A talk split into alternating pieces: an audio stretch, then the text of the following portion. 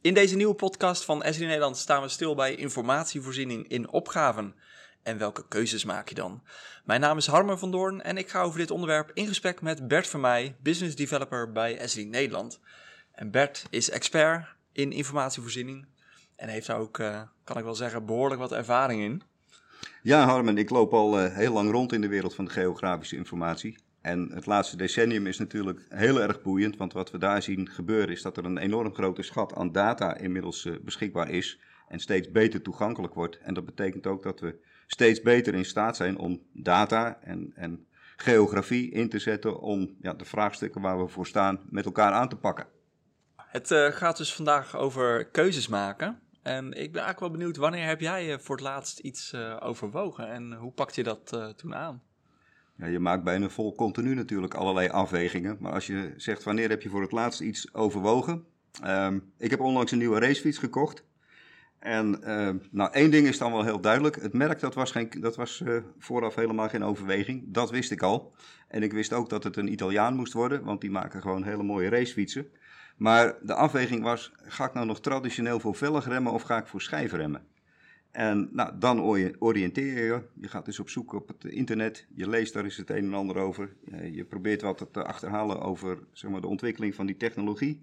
Maar wat ik altijd heel boeiend vind, is even met andere mensen daarover babbelen. En dan heb ik eens een praatje met mijn, uh, met mijn fietsenmaker, maar ook eens met, uh, met andere fietsers. En zo kom je uiteindelijk wel tot een keuze.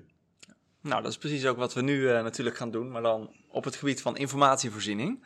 Informatievoorziening dus in opgaven. En dan ben ik eigenlijk uh, als eerste benieuwd, wat voor opgaven hebben we het dan zo al over?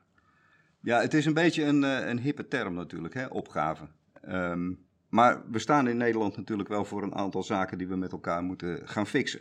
Hè, klimaatverandering, dat weten we allemaal. Uh, we gaan de komende tien jaar een hele grote transitie doormaken op het gebied van energie. Er is iets gaande op de woningmarkt in, in Nederland waar we iets aan, aan moeten doen. En zo zijn er nog wel een aantal zaken te noemen. Vergrijzing bijvoorbeeld. En wat kenmerkend is, al die opgaven, die komen samen op het, uh, op het grondgebied van gemeenten. Die komen samen bij de gemeente. En het tweede kenmerkende aan al die opgaven is, ze hebben allemaal wel een hele belangrijke ruimtelijke dimensie. Nou, nu heb ik een paar hele grote dingen genoemd. Uh, de, de, klimaatadaptatie, energietransitie. Maar hetzelfde geldt natuurlijk voor allerlei meer dagelijkse dingen die binnen gemeenten spelen.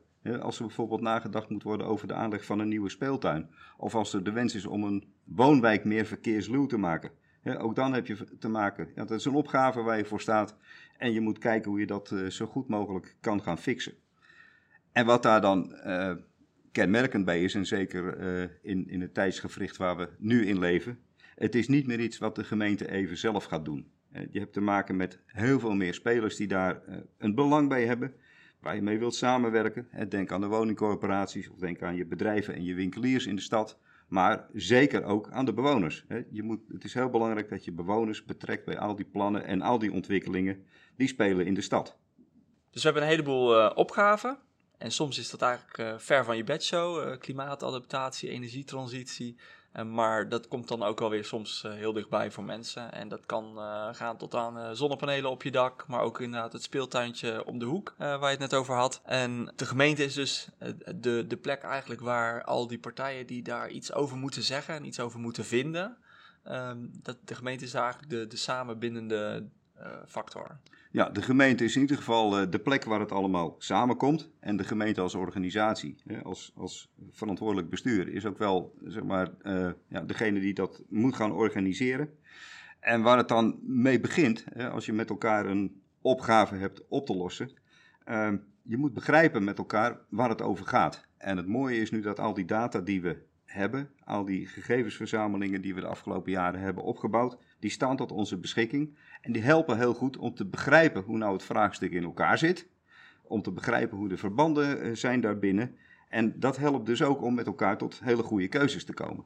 En dan hebben we het dus ook over uh, gewoon data die in de loop van de jaren allemaal is uh, opgebouwd, geregistreerd, opgeslagen, geanalyseerd. Ja, kijk, Nederland is een lui lekker land als het gaat om uh, de beschikbaarheid van data. We hebben natuurlijk uh, een aantal wettelijk verplichte basisregistraties, wat een, hele, een heel belangrijk fundament is. Maar daarnaast zijn er in allerlei operationele processen bij de gemeente, maar ook bij al haar samenwerkingspartners, zoals woningcorporaties of een kadaster of een Rijkswaterstaat of de andere ministeries of de provincie. Er is enorm veel data opgebouwd, er is enorm veel data beschikbaar.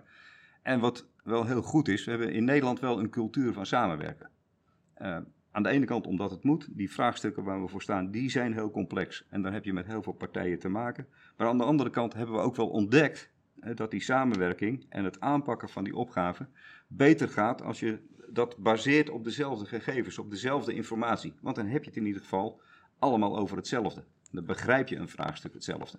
Dus wat belangrijk is in, in informatievoorziening, in die opgave, in het samenwerken, is dat je uh, ja, de gelijke informatiepositie uh, hebt. Ja, een gelijke informatiepositie is belangrijk. En ja, vanuit welk perspectief is dan een informatiepositie gelijk? Of vanuit welk perspectief ga je dan een informatiepositie opbouwen? Dat is weer even terugredeneren naar die opgave. Je gaat kijken wat is de vraag waar we gezamenlijk voor staan. En welke informatie hebben we dan nodig om te begrijpen wat het probleem is, om te doorgronden hoe je dat kan aanpakken. En welke partijen eh, moeten daarin samenwerken. En daar gaat het er uiteindelijk om dat je op basis van de informatie die je beschikbaar hebt, samen gaat nadenken over wat je met elkaar wilt bereiken. Samen gaat nadenken over een goed plan. Noem het maar co-creatie met een mooi woord.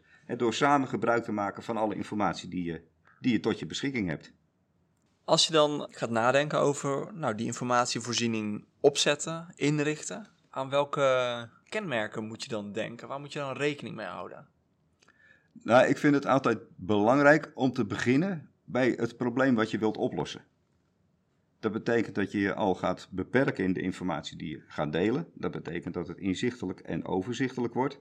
Van daaruit bouw je een, zeg maar, goede, gelijke informatiepositie op. En daarmee bereik je ook een stuk transparantie waarmee je naar iedereen kan duidelijk maken. En dit is het vraagstuk. Dit is waar we aan gaan werken met elkaar informatie delen. Dus dan heb je, moet je dus ook goed nadenken over uh, ja, de toegankelijkheid van die, van die data. Ja, het begint met toegankelijkheid van data. En um, wij, wij vinden dan ook, en dat is ook onze ervaring, dat je verder moet gaan dan alleen maar data toegankelijk maken. Die samenwerking gaat pas echt van de grond tillen als je ook dingen met die data kunt doen. Als je gereedschappen hebt dicht op die data, waarmee je die data kan visualiseren, waarmee je analyses kan doen op die data en waarmee je uiteindelijk, en dat is een mooi geformuleerd, informatieproducten kunt maken met handelingsperspectief. Of informatieproducten kan maken op basis waarvan je kan zeggen: Oké, ik begrijp hoe het in elkaar zit en nu ga ik dit doen. Ik kan nu deze keuze maken. En dan is het natuurlijk zo dat een, een wethouder heeft een andere informatiebehoefte dan een, een uitvoerder die uiteindelijk in, in de buitendienst iets moet gaan aanleggen. Maar het is uiteindelijk wel gebaseerd allemaal op dezelfde data en dezelfde informatie. Even samenvattend, heb je een, een aantal tips waar mensen mee aan de slag kunnen die, uh, die zich eigenlijk nu aan het oriënteren zijn op, uh, op informatievoorziening en daar keuzes in moeten maken? Ik kan een heleboel tips geven, maar volgens mij heb ik één tip waar je mee moet beginnen. En die tip is: begin nou eens met de opgave. Begin te begrijpen wat de vraag is en ga op basis van die vraag ervoor zorgen dat iedereen die daarbij betrokken is van de juiste informatie, van de juiste informatieproducten wordt voorzien, zodat iedereen kan doen wat hij moet doen. dus om betere beslissingen te kunnen nemen, om uiteindelijk betere plannen te kunnen maken, op basis van al die data die we hebben binnen ons netwerk, wat we met elkaar kunnen delen, ga altijd uit van de vraag. Ga uit van wat je uiteindelijk met elkaar wil bereiken en bepaal welke informatie wie daarvoor nodig heeft. Dankjewel voor alle inzichten die je hebt gedeeld. Nog wel even één kleine vraag die ik heb. Welke racefiets heb je uiteindelijk gekozen? Ja, daar kon je op wachten dat die terugkwam natuurlijk. Nou, ik heb uh, gekozen voor weer een Colnago. Dat was ook mijn, uh, mijn vorige fiets. Dus een Italiaanse fiets. Dat ziet er fantastisch uit. Dat rijdt fantastisch. En op een Italiaans schroef je geen Japanse spullen. Dus ik heb hem ook netjes laten afmonteren met een groep van Campagnolo. Geen uh, Shimano? Nee. En uh, hoe zit het dan eigenlijk met die schijfremmen of velgremmen? Ja, daar ging het uiteindelijk om. Ja, daar ging het uiteindelijk wel om. En dan is Bert misschien nog een beetje traditioneel. Ik heb nog velgremmen. Heel goed. Bert, nogmaals bedankt. En u bedankt voor het luisteren. Luister ook een van de andere podcasts op ons uh, kanaal. Abonneer u en graag tot een volgende keer.